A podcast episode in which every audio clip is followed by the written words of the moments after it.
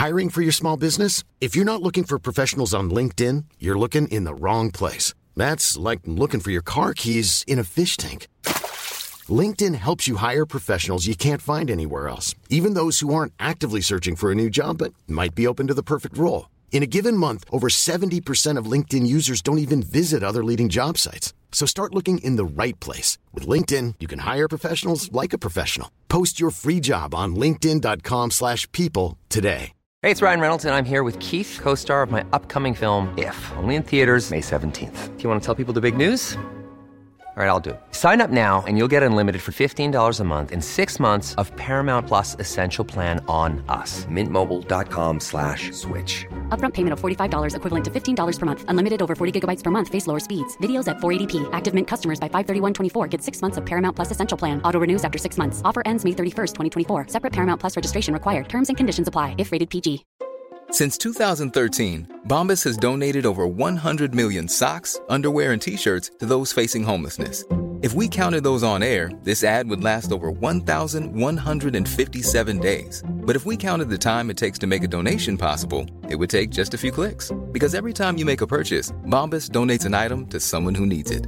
Go to bombas.com slash ACAST and use code ACAST for 20% off your first purchase. That's bombas.com slash ACAST, code ACAST.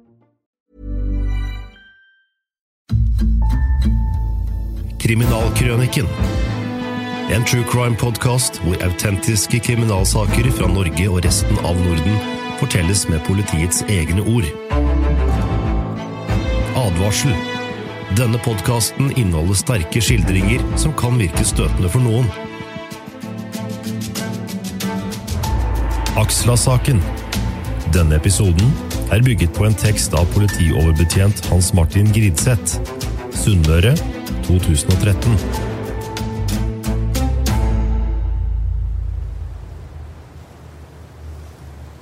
Til tross for sin utfordrende geografi med fjorder og fjell, er Sunnmøre et forholdsvis oversiktlig distrikt på Nordvestlandet.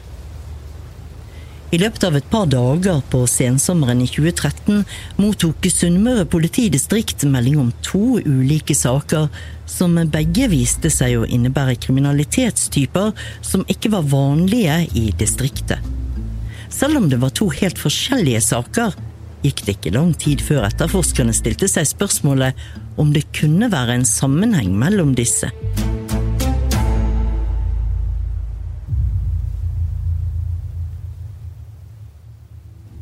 Onsdag 28. august 2013 like før klokken 18 ble tilværelsen snudd på hodet for de to unge kvinnene som arbeidet ved Pluto kiosk og gatekjøkken i Fagerlia like øst for Ålesund sentrum. Fra å selge fast food og andre kioskvarer til forbipasserende, stirret de plutselig inn i løpet på det de oppfattet å være en pistol. Utenfor sto en ung mørkledd mann med hettejakke og solbriller. Han pekte på de ansatte med en pistollignende gjenstand, samtidig som han sa Give me the money.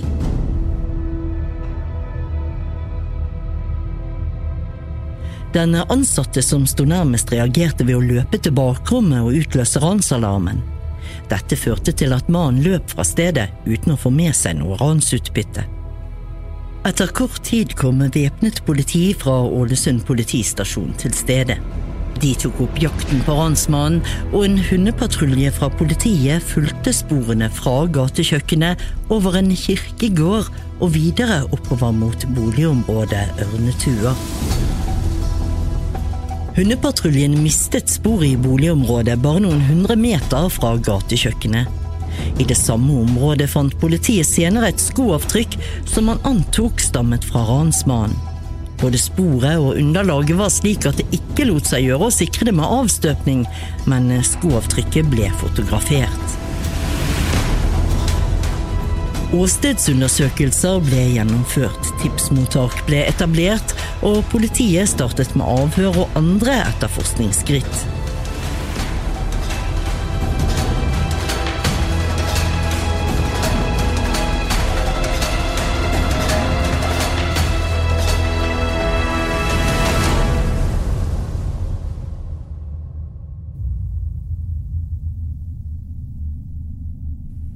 Om formiddagen torsdag 29. august 2013 møtte noen jenter som studerte på høyskolen i Ålesund opp ved Ålesund politistasjon. De var bekymret for sin studievenninne Anja Veløy Aarseth, som de ikke hadde hatt kontakt med siden dagen før. Dette var svært uvanlig for Anja, som ble beskrevet som en veldig pliktoppfyllende jente. Anjas studievenninner fikk snakke med en etterforsker.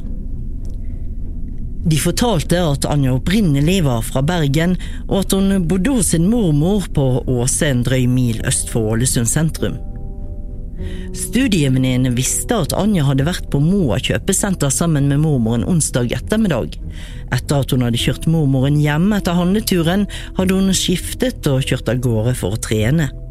Anja trente regelmessig, og hun var glad i å løpe på stiene på byfjellet Aksla. Da studievenninnene forlot politistasjonen, opplyste de at de ville dra og lete etter Anja og bilen hennes.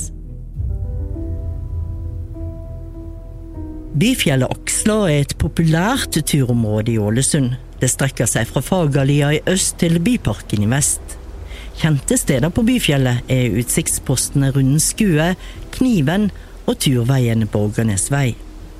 Ved å gå de 418 trappetrinnene fra Byparken kommer en til Fjellstua, som er en kjent turistattraksjon i Ålesund. Etter kort tid fant Anjas studievenninne bil hun brukte. Dette var mormorens bil, men Anja disponerte denne fritt. Bilen sto parkert øverst i Per Bolstad vei i Fagerlia, som er et kjent og populært utgangspunkt for turområdet Aksla. Det at Anja hadde parkert der, stemte godt med at hun hadde dratt for å løpe på Byfjellet. Samtidig som studievenninnene oppsøkte politiet og senere begynte å lete etter henne, ble Anja meldt savnet av sine foreldre ved Bergen politikammer.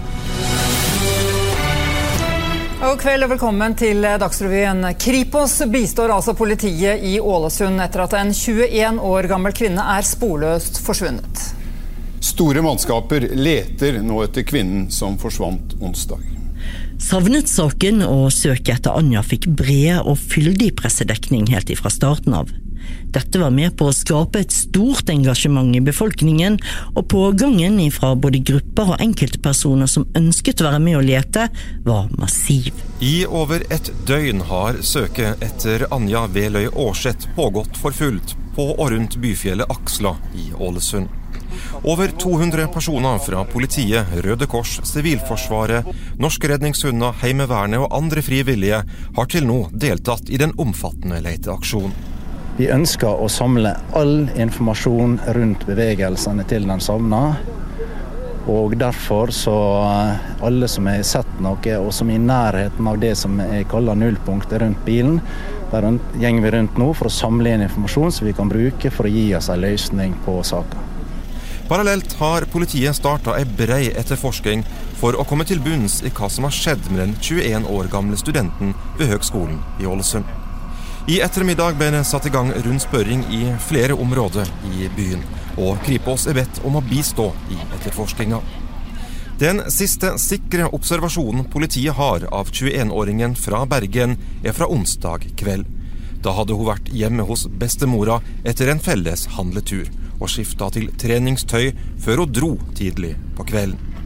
I går formiddag ble Anja Veløy Aarseth meldt savna av familien. Seinere på dagen ble bilen hun kjørte, funnet i østenden av det populære friluftsområdet i Ålesund. Der har hun parkert for å dra på joggetur, og der slutta foreløpig alle sikre spor etter Anja Veløy Aarseth.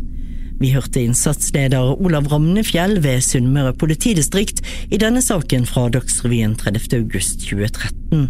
Reporter var NRKs Allan Eikrem. Olaug Bjørneseth, du står i området der letingen foregår, og nå er Kripos koblet inn. Hva betyr det? Ja, Det betyr at politiet holder alle muligheter åpne for hva som kan ha skjedd. De har ingen spor som tyder på at det har skjedd noe kriminelt, men de vet heller ikke om de kan utelukke det.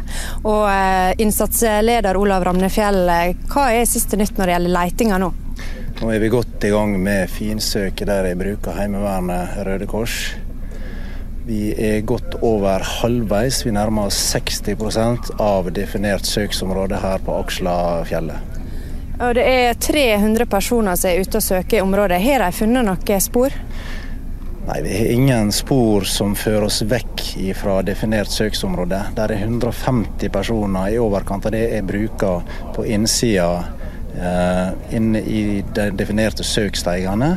Og så har vi 150-200 frivillige som beveger seg på sørsida langs med veier og inn blant uh, byggefelt. Har dere fortsatt håp om å finne denne jenta i live? Ja, det har vi. Vi jobber intenst og jeg har et stort håp om å finne henne i live og i god behold. På store deler av byfjellet Aksla er det turstier som egner seg både til turgåing, løping og sykling. Aksla-området består av både lett skogsterreng, skrenter og mer ulendt terreng, og det er flere bunkerser fra krigen i området. Det ble søkt både ved hjelp av manngard, hundeekvipasjer og helikopter med varmesøkende kamera. I tillegg ble det plassert ut lytteposter om nettene. Etterforskningen startet samtidig med at søket ble satt i gang. Arbeidet med ulike undersøkelser og avhør ble startet allerede torsdag ettermiddag og pågikk utover natt til fredag.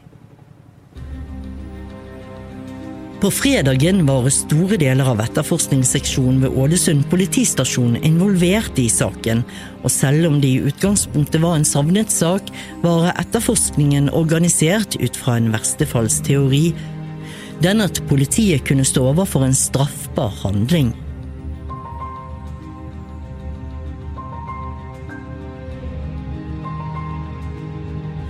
Lørdag 31. august 2013, like før klokken 13, fant en hundeekvipasje fra Norske redningshunder en død person på Aksla. Funnet ble gjort ved en sti om lag 200 meter øst for fjellstua, og denne døde personen var tildekket med greiner og vegetasjon fra området. Det ble raskt konstatert at det var Anja som var funnet, og det ble samtidig slått fast at hun var drept. Vi går til Lørdagsrevyen 31. august 2013. Det gjør dype inntrykk i Ålesund når ei ung kvinne blir funnet død og trolig drepen på byfjellet Aksla. Funnstedet ligger midt i et populært turområde og bare 200 meter fra det kjente utkikkspunktet Fjellstua. I nesten tre døgn har de søkt, dag og natt, Heimevernet, Sivilforsvaret, Røde Kors, hundepatruljer, alpin fjellredningsgruppe og svært mange frivillige. De har saumfare hele byfjellet. Det har vært en formidabel innsats fra profesjonelt letemannskap og fra frivillige. Eh, politiet setter veldig stor pris på alle som har vært med og bistått i denne saken. her. Det er veldig beklagelig at den personen vi fant, var livløs. På en pressekonferanse i ettermiddag sa politiet at de står framfor en omfattende kriminaletterforskning. De får hjelp videre av Kripos, men ber også om hjelp utenfra. Ja, Vi står jo med en foreløpig ukjent gjerningsmann, så derfor er vi veldig interessert i at alle som har opplysninger som kan være av verdi, å melde seg til politiet. Og, og la politiet avgjøre om det har verdi eller ikke. Politiadvokat Yngve Skovli ved Sunnmøre politidistrikt ble intervjuet av NRKs reporter Sissel Brunstad. På bakgrunn av funnet ble søket avsluttet, og saken gikk over i en drapsetterforskning med ukjent gjerningsmann. For politiet var det viktig å sørge for å sikre funnstedet og få kontroll på området ved hjelp av tildekking, avsperringer og vakthold. Olaug Bjørneseth, du står ved foten av Byfjellet. Og hva skjer på funnstedet nå?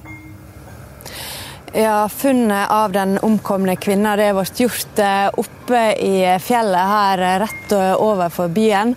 Og eh, Det er jo et område som er mye brukt til tur. Det ligger et kjent utkikkspunkt på toppen, der det er fjellstue. Der er det bryllup i kveld, men politiet har sperra av områdene rundt, og de har losa gjestene inn på denne fjellstua. Det skjer ikke etterforskning på funnstedet nå. Politiet har sperra av. De venter på, på Kripos som skal komme opp og hjelpe til med den tekniske undersøkelsen i morgen. Og Har det skjedd noe med etterforskinga framskritt etter dere gjorde funnet i dag, eh, litt sånn mellom ett og to i dag? Etter at vi gjorde det funnet, så resulterte det i en bra økning i tipstilstrømningen. Så vi har mottatt en rekke tips, og det har også da medført at vi, flere av tipserne har blitt kalt inn til avhør. Så vi mottar fortsatt en masse tips, altså, og i tillegg så tar vi avhør. Politiadvokat Yngve Skåvli ble intervjuet av NRKs Olav Bjørneseth i Lørdagsrevyen 31.8.2013.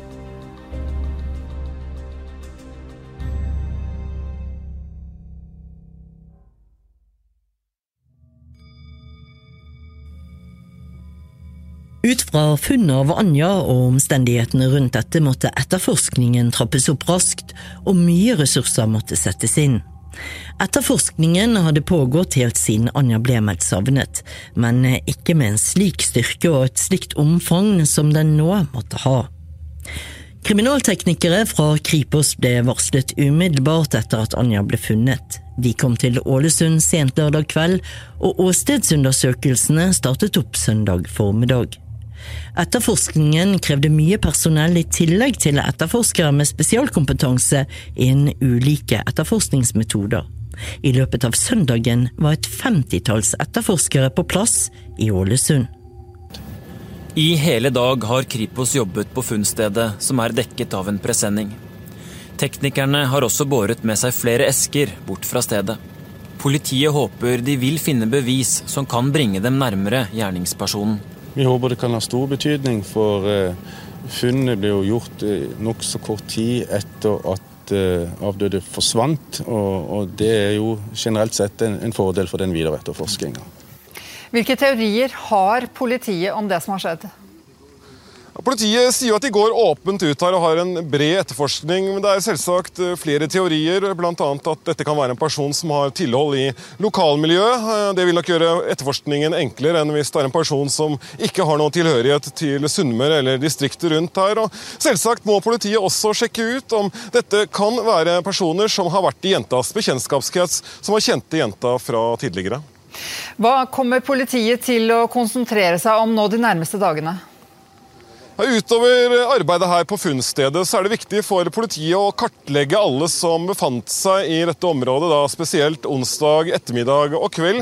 Man har jo bedt folk melde seg selv, men politiet kan jo hente inn spor fra mobiltelefoni, fra datasystemer, fra bompasseringer og andre ting. Så det er viktig for politiet nå først og fremst å få kartlagt alle som var i området her. Politiadvokat Yngve Skåvli ble intervjuet av reporter Runa Henriksen Jørstad, og det var NRKs Olav Rønneberg som som rapporterte direkte fra Ålesund i Søndagsrevyen 1.9.2013.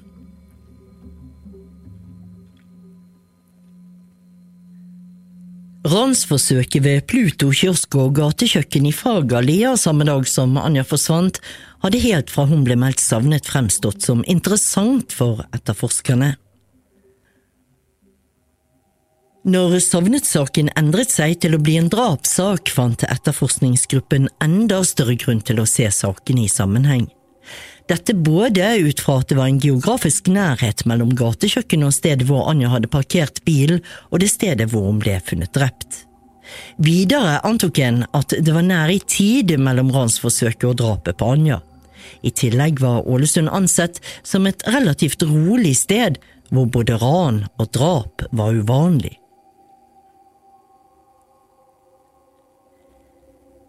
De tekniske undersøkelsene på funnstedet ble startet opp på søndagen. Dette var et møysommelig arbeid, og kriminalteknikerne arbeidet seg systematisk gjennom området. Vegetasjonen som gjerningspersonen hadde brukt til å dekke den døde med, ble sikret og gjennomgått del for del. Ut fra funnet på stedet fikk politiet tidlige indikasjoner på at Anja var utsatt for et seksuelt overgrep og kvalt. Det var lenge usikkert om funnstedet var det samme som åstedet for de kriminelle handlingene. Funnstedet lå nemlig bare fire-fem meter fra en mye brukt sti som førte til fjellstua, og normalt var denne godt besøkt på denne tiden av året. Allerede i forbindelse med åstedsundersøkelsene og obduksjonen fikk politiet opplysninger om at det var sikret biologisk materiale som gjorde at mulighetene for å finne en fullverdig DNA-profil ville være gode. På åstedet fant også politiet magasinet til en pistol, og dette styrket ytterligere teorien om at det kunne være en sammenheng med ransforsøket ved gatekjøkkenet. Gjennom media gikk politiet ut og ba personer som kunne ha sett Anja om å ta kontakt. En utstillingsdukke iført samme klær som det hun hadde hatt på seg, og bilder av denne ble publisert i media. Svarte Adidas joggesko. Videre hadde hun en, en sort tights som gikk helt ned til beina, og det var av merket Nike. Videre hadde hun en rød-oransje uh, overdel som er også av type Nike. da. Flere tente i dag lys på funnstedet til minne om venninnen som ble drept. Det er nå gått seks dager siden Anja Veløy Aarseth forsvant. Ingen er foreløpig mistenkt i saken. Hvor står etterforskninga nå? Politiet holder fast på at de ikke har noen konkrete mistenkte, at de ikke står foran en snarlig pågripelse. Det er jo fortsatt en bred etterforskning, som vi hører. Over 50 personer er nå involvert i den etterforskningen. og Det sier litt om omfanget. De er en av de største drapsetterforskningene vi har hatt i landet de siste årene. Og det kan være mye som gjenstår i den etterforskningen, slik at politiet kan ha hatt behov for denne store etterforskerstyrken i en god del tid fremover. Ja, I morgen så er det ei uke siden kvinner la ut på joggeturen. Kan det være fare for at dette blir en langvarig eh, etterforsking? Det er klart at Dersom den eller de som står bak dette drapet ikke finnes i politiets registre, ikke finnes i DNA-register, og dersom det er noen som ikke, heller ikke har tilhørighet her i Ålesundsområdet eller på Sunnmøre, så kan man stå foran en svært langvarig etterforskning. Vi vet at det til nå er tatt noen titalls DNA-prøver av menn. Eh, dette antallet kan bli langt høyere etter hvert som etterforskningen skrider frem. Politiadvokat Yngve Skåvli ved Sunnmøre politidistrikt og stasjonssjef ved Ålesund politidistrikt Oddbjørn Solheim uttalte seg til Dagsrevyen 3.9.2013. Reportere var Runa Henriksen Jørstad og Olav Rønneberg. Politiet ønsket å komme i kontakt med alle som hadde befunnet seg på byfjellet Aksla i en tidsperiode onsdagskveld. Dette for å skaffe en oversikt over personer og finne personer som kunne ha sett noe som kunne være aktuelt for etterforskningen. Personer som hadde vært i området ble også bedt om å gi beskrivelse av seg selv og hvilke klær de hadde vært iført. Gjennom dette kartleggingsarbeidet mottok også politiet store mengder fotografier av personer som hadde vært på fjellet. Personer som møtte hos politiet for avhør, ble også fotografert. Etter oppfordring fra politiet møtte mange av disse i de samme klærne som det de hadde hatt på seg mens de var på Aksla den aktuelle dagen. Parallelt med denne kartleggingen ble det også startet opp et DNA-prosjekt. Der ble menn som hadde vært i området bedt om å møte hos politiet og avgi DNA-referanseprøve. Politiet så for seg at etterforskningen kunne bli som et stort og vanskelig puslespill, og mest mulig informasjon om hvem som hadde befunnet seg i området, ville kunne bli helt sentrale brikker i dette puslespillet. Biologisk materiale som ble sikret i forbindelse med åstedsundersøkelsen og obduksjonen, ble sendt til Folkehelseinstituttet mandag 2.9.2013. Allerede etter to dager kunne avdelingsdirektør ved Folkehelseinstituttet Bente Mevåg fortelle at det var funnet en fullverdig DNA-profil fra en person som allerede var registrert.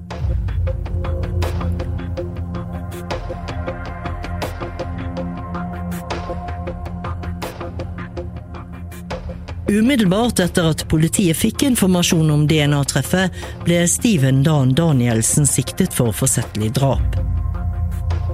Steven hadde tidligere avgitt DNA-prøve ved Ålesund politistasjon i forbindelse med et annet straffbart forhold. Han var kjent for politiet fra tidligere, og samme dag som informasjonen kom fra Folkehelseinstituttet, hadde navnet hans kommet inn i etterforskningsmaterialet gjennom andre etterforskningsskritt. Tilgjengelig politipersonell ble umiddelbart samlet og gitt i oppdrag å forsøke å finne ham.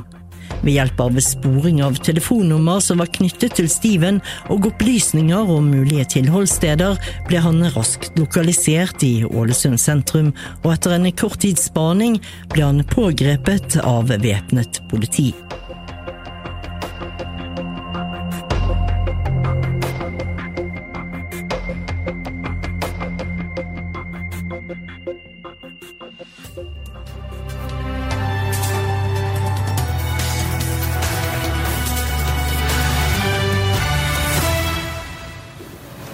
Politiet har pågrepet en mann for drapet på Anja Veløy Aarseth. Det er en mann som er bosatt i Ålesundsområdet. Han er norsk statsborger. God kveld og velkommen til Dagsrevyen. Politiet har altså pågrepet en mann i 20-åra i Ålesund, og han blir nå sikta for drap. Mannen bor i Ålesundsområdet og er norsk statsborger. Han ble funnet etter bruk av DNA-spor. Og Runar eh, Henriksen Jørstad, hva mer kan du eh, si om mannen som er pågrepet? Politiet innkalte på kort varsel til pressekonferanse nå i kveld for å opplyse om at de hadde gjort en pågripelse.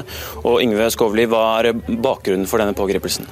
Bakgrunnen er at vi fikk resultatet av de tekniske undersøkelsene fra Kripos og Folkehelseinstituttet. Hva vil det si?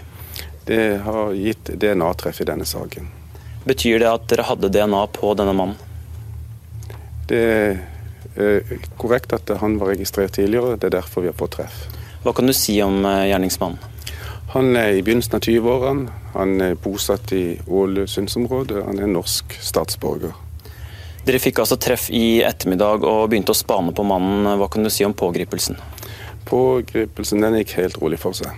Hvor skjedde den? Den skjedde i Skarbevika. Har dere sett noen forbindelse mellom den pågrepne og den avdøde? Det er ingen grunn til å tro at det skal være noe link, men selvfølgelig er dette noe vi skal se nærmere på. Hva skjer med den pågrepne nå? Eh, vi vil starte avhøret av han i kveld.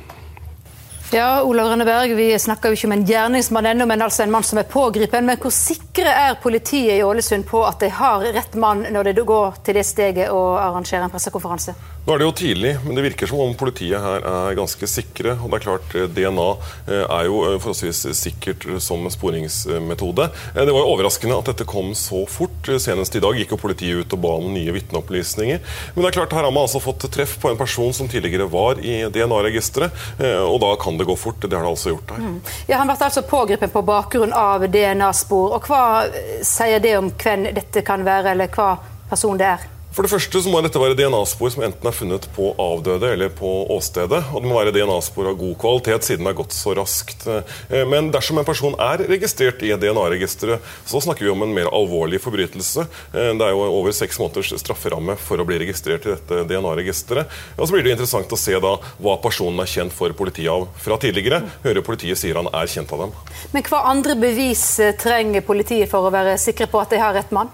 Altså DNA i seg selv er ikke nok til en domfellelse domfellelse i retten. Det har også ekspertene som jobber med DNA flere ganger sagt i norske rettssaler. Så nå må politiet fortsette sin eh, taktiske etterforskning. De må forsøke å finne bevis som underbygger denne siktelsen. F.eks. undersøke om hans mobiltelefon har vært i dette området der kvinnen forsvant og da ble funnet drept, eh, og hva han har foretatt seg i disse dagene rundt forsvinningen. Eh, så hører vi også politiet her si at de tror kvinnen var et tilfeldig offer. Det er jo verdt å merke seg, det også sa leder for krimredaksjonen i NRK, Olav Rønneberg, i Dagsrevyen 4.9. Før det hørte vi politiadvokat Yngve Skovly, og reporter var Runar Henriksen Jørstad. Steven Dan Danielsen ble tatt i avhør samme kveld som han ble pågrepet, og med sin forsvarer til stede tilsto han allerede i første avhør at han hadde voldtatt og drept Anja. Dette hadde skjedd på samme sted som Anja ble funnet. Ifølge Steven, som senere skiftet navn til Paco Dan Danielsen, var altså åstedet og funnstedet det samme. Mannen som er siktet for Ålesund-drapet, har i ettermiddag erkjent seksuelt overgrep, i tillegg til drap. 23-åringen eh, ventet på å få sone en dom han fikk i januar, og om to uker vil han også formelt sett ha havnet i soningskø. I over en uke har de holdt kortene tett til brystet. Men etter gårsdagens pågripelse av en 23 år gammel mann gikk politiet i dag ut med flere opplysninger om drapet på Anja Vele i Årset. Dødsårsaken det er kvelning. Hva er han nå siktet for? Han er for, formelt sikta for forsettlig drap, men vi sier at siktelsen vil også etter hvert bli utvidet til å omfatte seksuelt overgrep. Like ved byfjellet Aksla, der drapet skjedde, ble 23-åringen i går ettermiddag pågrepet midt i et boligfelt. I avhør i natt erkjente han drapet. For kort tid siden kom mannens forsvarer ut fra nye avhør. Han har nå erkjent både drap, og han erkjenner også et seksuelt overgrep i forkant av det drapet.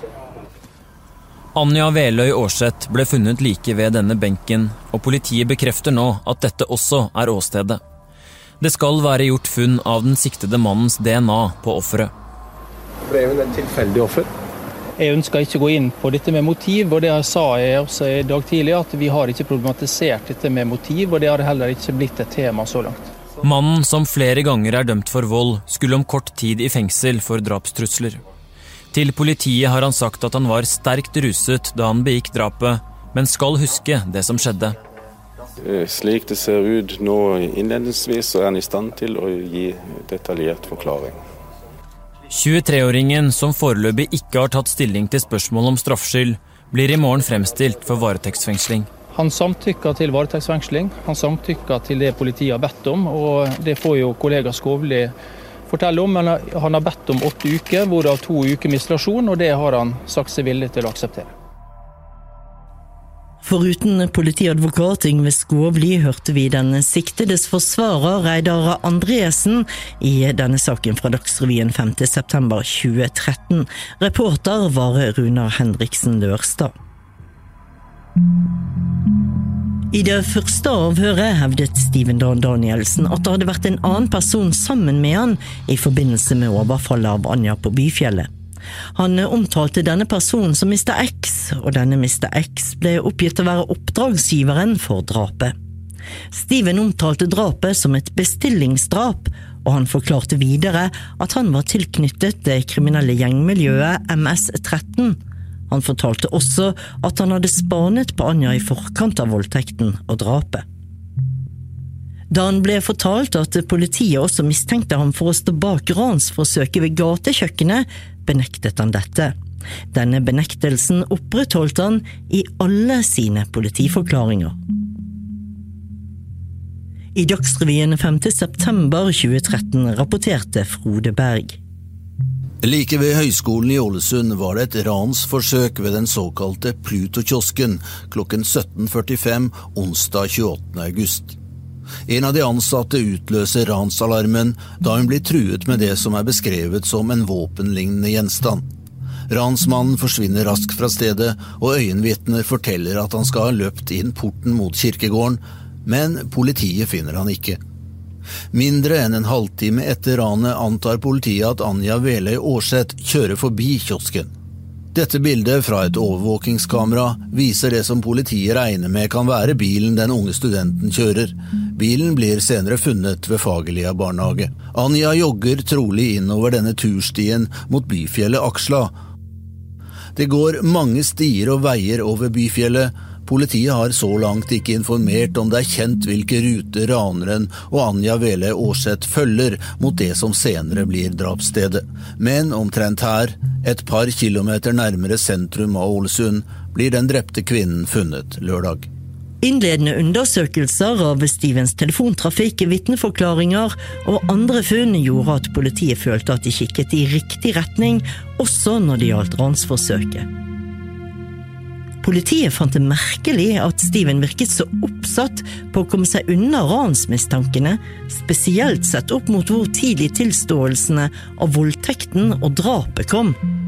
Samtidig som de innledende avhørene av Steven ble gjennomført, startet politiet med undersøkelser i boligen hans og andre tilholdssteder. Steven hadde sin faste, men ikke registrerte bolig på Fjelltun, og denne lå ikke langt fra stedet hvor Anja ble funnet drept.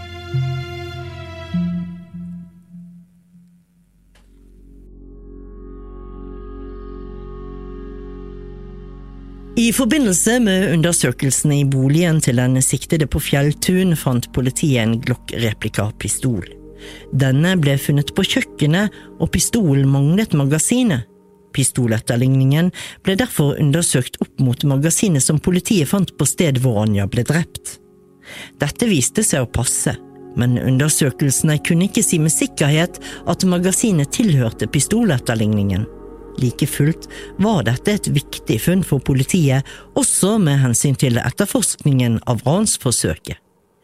Det skulle vise seg at politiet gjorde ytterligere funn som etter etterforskernes syn styrket Stevens rolle i ransforsøket. Blant annet ble det funnet at han hadde foretatt søk på YouTube med søkeordene How to rob. Ut fra loggen fant en at dette søket hadde blitt foretatt den aktuelle dagen, og videre ble det gjennomført undersøkelser av hans PlayStation-maskin.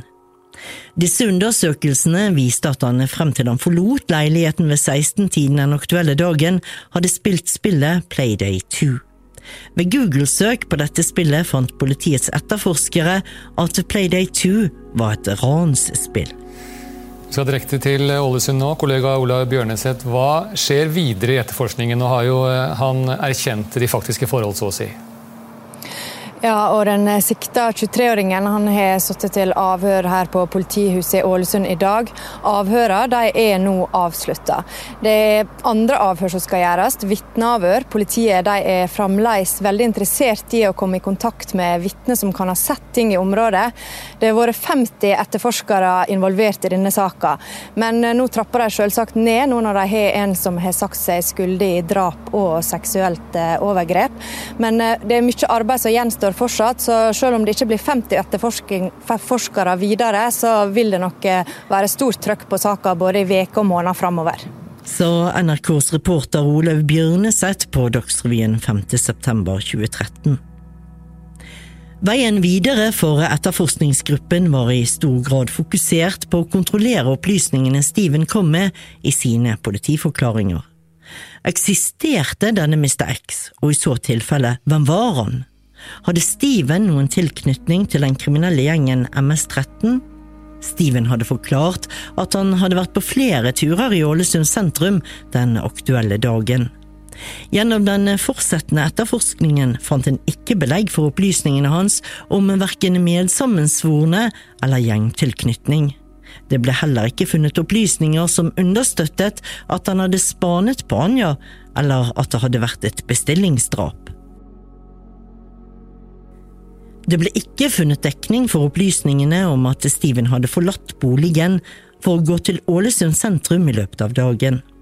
Det politiet imidlertid fant, var at man langt på vei kunne følge hans bevegelser og gjøremål gjennom den aktuelle dagen ved å sammenstille ulike elektroniske spor ifra internettbruk og mobiltelefonbruk. Gjennom funn knyttet til bruken av Stevens mobiltelefon kunne han knyttes til området hvor gatekjøkkenet lå i tiden forut for ransforsøket. Videre kunne mobiltelefonen hans plassere ham i området hvor Anja ble drept i det aktuelle tidsrommet. Dette, sammenholdt med opplysningene fra sentrale vitner, gjorde at politiet mente å kunne si at Steven hadde oppholdt seg hjemme frem til klokken 16 den aktuelle dagen.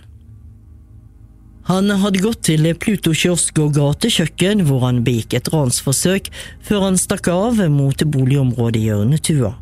Deretter gikk han vestover byfjellet Aksla, der han overfalt, voldtok og drepte Anja Veløy Jårseth før han gikk hjem til boligen sin like sørøst for drapsåstedet.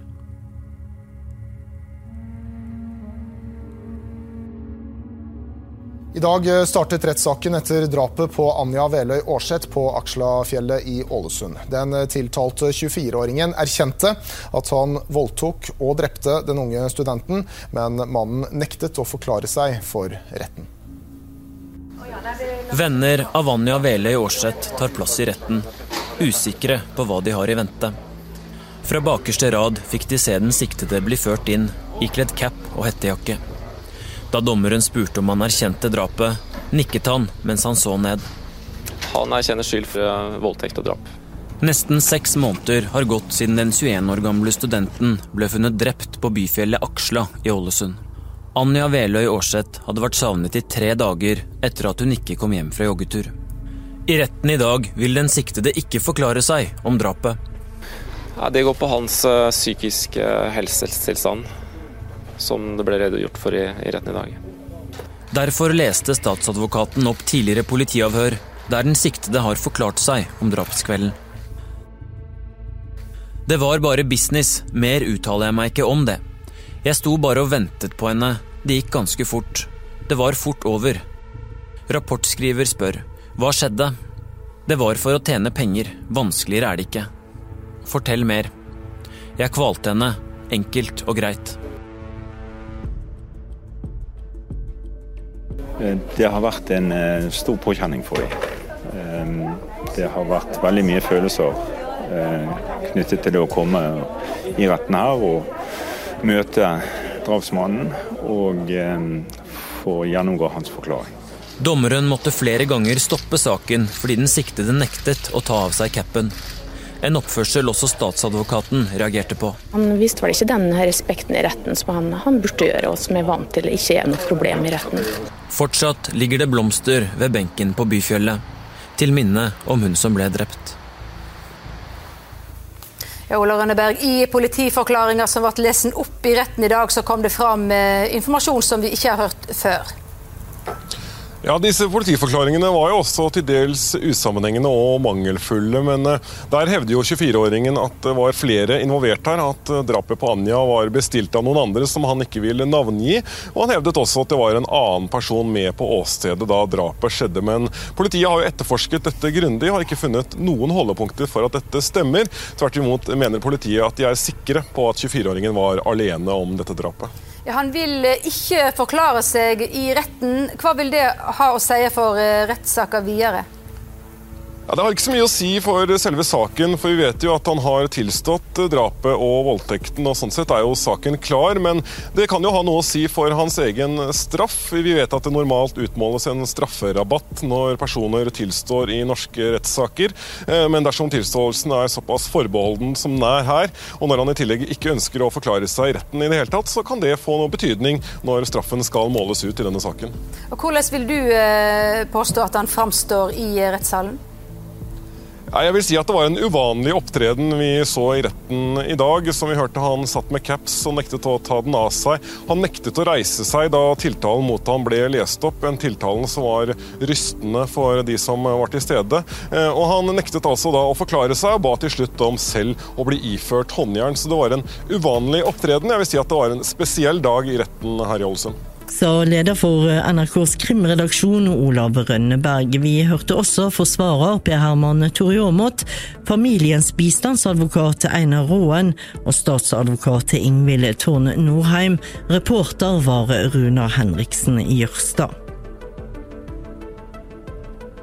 I løpet av tiden i varetekt hadde det blitt gjennomført en rettspsykiatrisk judisiell observasjon av Steven. Rettspsykiaterne var til stede under hele rettssaken, og mot slutten av rettsbehandlingen la de frem sine vurderinger og funn. Rettspsykiaterne mener det er stor fare for at den drapstiltalte mannen i Aksla-saken vil foreta nye voldshandlinger. De hevder den 24 år gamle mannen har en alvorlig personlighetsforstyrrelse og store rusproblemer. I dag var det rettspsykiaterne som skulle legge fram sin rapport i Sunnmøre tingrett. Terje Tørrisen og Mikael Setsås konkluderer med at mannen som drepte Anja Veløy Aarseth i Ålesund i fjor høst, har en alvorlig personlighetsforstyrrelse, og at det er høy risiko for at han kommer til å gjennomføre nye voldshandlinger. For å unngå dette mener rettspsykiateren at han må være motivert for langvarig psykiatrisk behandling og holde seg rusfri. Eh, I dag var det jo slik som forventa, at vi fikk eh, gjennomgangen av sakkyndiges forklaring og konklusjonen deres. Og det viktigste der eh, går jo opp imot forvaring. At det er altså en høy risiko for gjentatt alvorlige forhold. Til tross for, for hva de kommer til, så mener jeg likevel at vilkårene for forvaring ikke er til stede. Forvaring er en tidsubegrenset straff som benyttes mot spesielt farlige lovbrytere. Men det er jo en, en vurdering som tas per i dag. Eh, og så vil jo spørsmålet være om uh, samfunnet vil uh, være godt nok vernet gjennom en, en fengselsstraff i stedet. Mannen som utførte Aksla-drapet, har også oppført seg truende overfor en av psykiaterne. De sier han har et oppblåst ego og kommer med brautende historier og løgner. Aktor mener det forklarer tiltaltes oppførsel i retten denne uka, der han bl.a. viste fingeren til et av vitnene. Eh, nei, altså jeg har jo tidligere kommentert at eh, dette her er jo upassende oppførsel. I dag har vi nok fått en forklaring på hvorfor han har oppført seg sånn. Nettopp fordi at uh, noen av de momentene som begrunner dysosial personlighetsforstyrrelse, er nettopp dette å ikke rette etter de normer samfunnet ellers følger. Hvor viktig er psykiatrirapporten for spørsmålet om forvaring? Jeg tror den rapporten kommer til å veie svært tungt når straff skal måles ut i denne saken. Eh, jeg syns rettspsykiateren var overraskende klare på at gjentagelsesfaren er svært eh, høy her. Eh, det er klart at det skal være en høy terskel for å idømme noen forvaring i Norge. Da må man se på gjentagelsesfare, men man må også se på andre momenter. Men jeg tror nok at denne rapporten kommer til å veie tungt sa leder av NRKs krimredaksjon Olav Rønneberg til Dagsrevyen 14.2. Aktor Ingvild Tårne Norheim og forsvarer Per Herman Tore Aamodt ble intervjuet av reporter Frode Berg. Ut fra undersøkelsene fant rettspsykiaterne at tiltalte var tilregnelig på tidspunktet for forbrytelsene. Videre konkluderte de med at det var stor risiko for senere voldshandlinger, og at han led av en alvorlig personlighetsforstyrrelse. Sunnmøre tingrett fant Steven, som da hadde endret navn til Paco Dan Danielsen, skyldig i både ransforsøket, voldtekten og drapet. Dommen lød på forvaring i 21 år, med minstetid på 10 år. Dette var i tråd med aktors påstand. Det var ingen tvil i Sunnmøre tingrett i ettermiddag. Avgjørelsen dommeren kom for å lese opp, var samrøystes. Straffa for ugjerninga mot Anja Veløy Aarseth på Akslafjellet er lovas strengeste. Domslutningen er som følgende. Til en straff av forvaring etter straffelovens paragraf 39 c med en tidsramme på 21, 21 år og en minstetid på 10, 10 år. Han har forsvart 24-åringen som har vedgått voldtekt og drap. I dag ble klienten hans dømt på alle punkt. Retten legger vekt på at det er stor fare for gjentaking. Eh, forvaring, eh, og så ble han også dømt for eh, ransposten, som min klient mente han ikke var skyldig. Og så har han tatt betenkningstid, og da får han ut fra i den perioden vurdere om det skal ankes eller ikke. Nei, nå har jeg jo fått det i henhold til eh, påstand, og jeg syns at eh, det var en god og en eh, grundig dom, som jeg selvfølgelig da sier meg enig i. Familien til den drepne kvinna har fulgt rettssaka tett, men valgte ikke å være til stades i retten i dag. Den dømte 24-åringen må betale familien ei erstatning på totalt 530 000 kroner. Vi hørte dommer Kjetil Jøen, forsvarer Per Herman Toriamot og aktor Ingvild Tårn Norheim i denne saken fra Dagsrevyen 3.3.2014. Reporter var Kristi Marie Skrede. Dommen ble anket. I behandlingen av saken ved Frostating lagmannsrett i september 2014 ble anken forkastet, og dommen fra Sunnmøre tingrett ble stående. Du har hørt Aksla-saken, bygget på en tekst av politioverbetjent Hans Martin Gridseth. Forteller var Marianne Moe. Produsenter Marianne Moe og Christian Gelsvik. Podkasten er produsert av Radiometro.